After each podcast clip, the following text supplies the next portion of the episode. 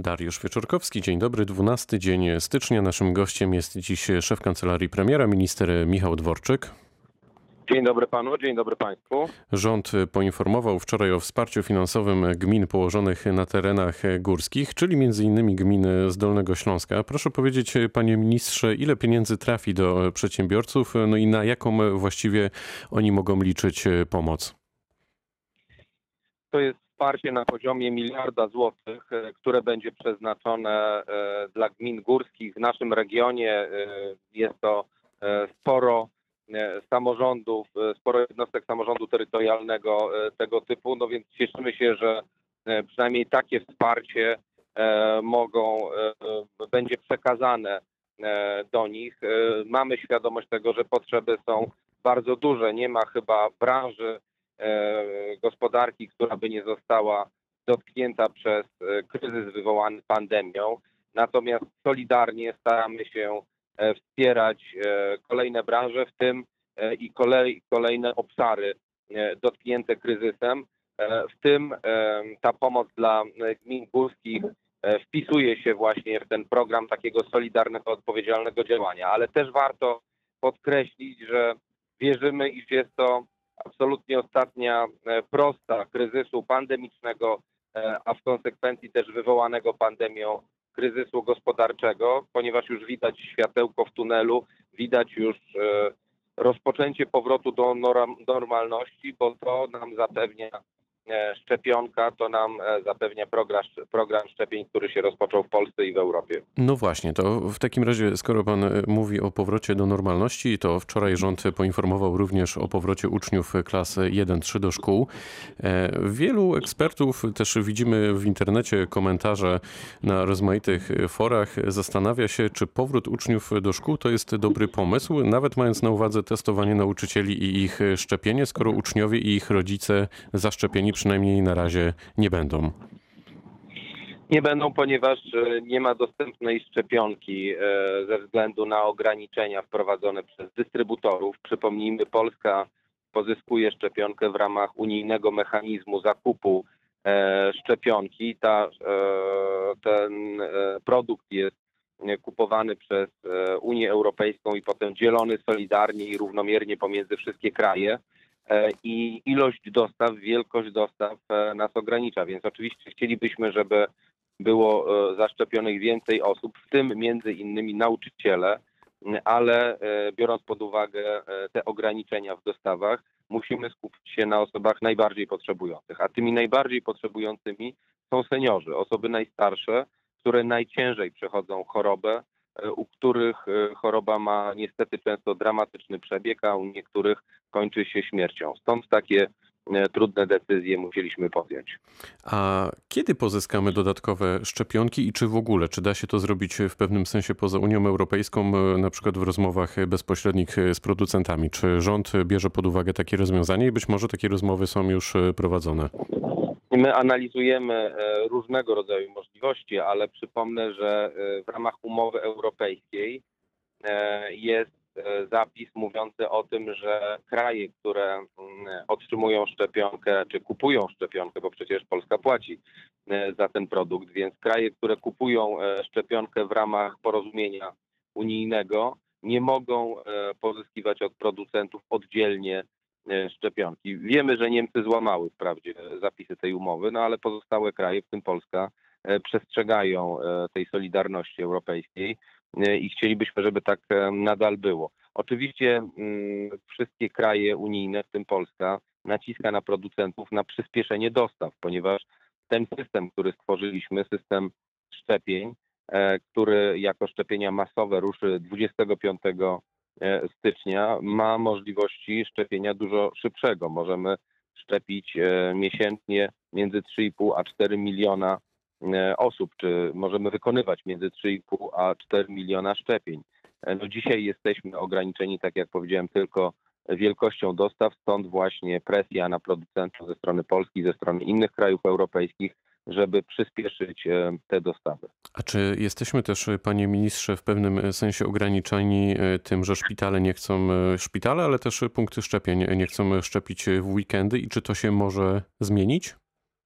Po pierwsze, mówimy w tej chwili o szczepieniu grupy zero, więc to jest taki specyficzny etap rozruchowy całego programu szczepień, ponieważ dzisiaj szczepi praktycznie 509 szpitali, wprawdzie w 600 kilku punktach, no ale mamy 509 e, szpitali, które szczepią.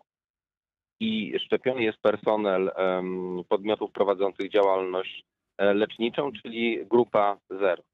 E, Jak wspomniałem, od 25 będzie gotowe do prowadzenia szczepień 6 tysięcy punktów, więc tutaj będzie skokowy wzrost liczby miejsc, których e, będą prowadzone szczepienia. I one będą Teraz też prowadzone w weekendy? punktu- Więc właśnie do tego dochodzę. Od każdego punktu, od każdego szpitala POZ-u czy punktu prowadzącego szczepienia zależy, e, jak, w jakim trybie e, prowadzi szczepienia. Czy organizuje szczepienia w ten sposób, że trwają one 7 dni w tygodniu, czy 5 dni w tygodniu, czy może trochę krócej.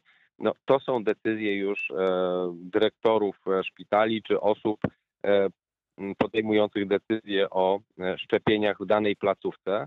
E, My e, dostarczamy szczepionkę jakby całą, która zostaje zamówiona przez te podmioty. Nie ma takiego problemu, że na przykład Agencja Rezerw Materiałowych, czyli podmiot odpowiedzialny za logistykę, odmawia dostarczenia szczepionki, wręcz odwrotnie, namawiamy te podmioty prowadzące szczepienia i e, będziemy e, te rozmowy i, e, i te namowy kontynuować, żeby szczepić również w weekend. Ale tak jak powiedziałem, no to są decyzje, suwerenne decyzje osób prowadzących szpitale czy prowadzących programy szczepień w poszczególnych punktach. Jasne, to ja wrócę jeszcze do, do powrotu uczniów y, do szkół. Y, Ten powrót jest ogłoszony szybciej niż na przykład y, otwieranie restauracji, hoteli i innych branż. Czy są jakieś badania, które dyktują, które powodują takie decyzje?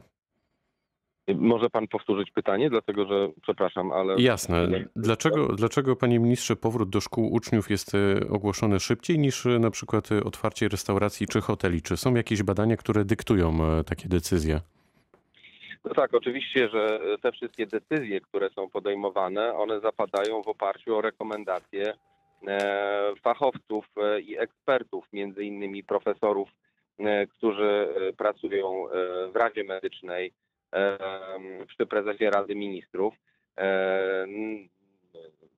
Staramy się e, ograniczać z jednej strony e, te wszystkie e, wydarzenia, czy te wszystkie działania, które powodują wzmożoną transmisję wirusa. Z drugiej strony musimy też brać pod uwagę konsekwencje społeczne i gospodarcze zamknięcia, czy to e, poszczególnych branż gospodarki, czy to na przykład e, szkół. W związku z tym e, te decyzje są e, no, pewnym kompromisem, pewną e, wypadkową e, różnych e, względów e, i przesłanek, e, no, które trzeba brać pod uwagę, podejmując tego rodzaju decyzje. Eksperci na obecnym etapie ocenili, że e, możliwe i dopuszczalne jest otworzenie szkół właśnie na poziomie klas 1-3, natomiast otwieranie czy to gospodarki, czy to powrót do szkoły uczniów e, wyższych klas, e, czy też szkół średnich, byłoby obarczone zbyt dużym ryzykiem. Mogłoby doprowadzić do niekontrolowanego wzrostu e, zarażeń, zakażeń, a w konsekwencji do e, ugięcia się systemu Polskiej Służby Zdrowia pod naporem e, chorych osób, które by trafiały do szpitali. A jak pan e, sądzi, kiedy powoli e, według szacunków rządu wrócimy do normalności? Czy na przykład jest szansa, że w tegoroczne wakacje będziemy mogli cieszyć się już z wyjazdów za granicę i swobodnego podróżowania po, po kraju?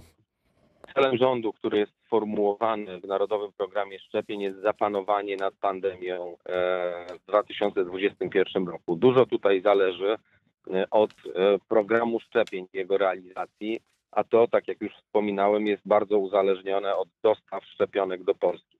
E, Zgodnie z deklaracjami producentów, w drugim kwartale powinno nastąpić znaczne przyspieszenie dostaw, a w konsekwencji również znaczne przyspieszenie szczepień. No, to pozwala mieć nadzieję, że rzeczywiście e, ten drugi kwartał to będzie początek takiego powrotu do normalności e, i e, zaczniemy sobie w tym roku jeszcze przypominać e, normalne funkcjonowanie, funkcjonowanie sprzed czasów pandemii, choć też trzeba uczciwie powiedzieć, że ten wirus nie zniknie. On z nami e, pozostanie, wpływając na nasze życie. Natomiast no, wszyscy tęsknimy do tego powrotu e, do normalności. Mam nadzieję, że w dużym stopniu to będzie możliwe jeszcze w 2021 roku. Mm, To myślę, że wszyscy mamy taką e, nadzieję i tą nadzieją e, żyjemy. A kiedy o szczepieniu realnie będą mogli myśleć e, na przykład 30-40-latkowie? Bo w internecie pojawiają się różne kalkulatory i różne informacje na ten temat e, i gdzieś e, w przypadku mm, tych roczników okazuje się, że na to szczepienie e, oni będą mogli, o nim będą mogli realnie myśleć w okolicach e, września, października. Czy to faktycznie tak będzie? To są prognozy, które dzisiaj nie mają e, poparcia twardych danych. To oczywiście jest e, możliwe, natomiast e, dopóki nie będziemy mieli twardych deklaracji ze strony producentów na temat dostaw, nie chcemy mm, podawać oficjalnie tego rodzaju prognoz, żeby nie rozbudzać nadziei, no, które mogą okazać się być nie do zrealizowania. E, Dzisiaj mamy pewność dotyczącą pierwszego kwartału, w związku z tym składamy tutaj e, twarde e, deklaracje, że zaszczepionych w pierwszym kwartale będzie 2,9 miliona osób, no bo tyle wiemy, że do Polski dojedzie szczepionek i bez problemu tyle szczepień możemy wykonać. Mam nadzieję, że te dostawy zgodnie z obietnicami i deklaracjami producentów wzrosną od drugiego kwartału w sposób znaczący, no i wtedy też będziemy mogli więcej powiedzieć o terminach e, szczepień pozostałych grup wiekowych. Od kilku dni do naszej redakcji sporo przebija się też w telefonach głosów z pytaniem, gdzie i jak mają się zapisać na szczepienie starsi ludzie w sytuacji, w której nie korzystają z internetu. E, Czy może pan coś też tutaj im podpowiedzieć?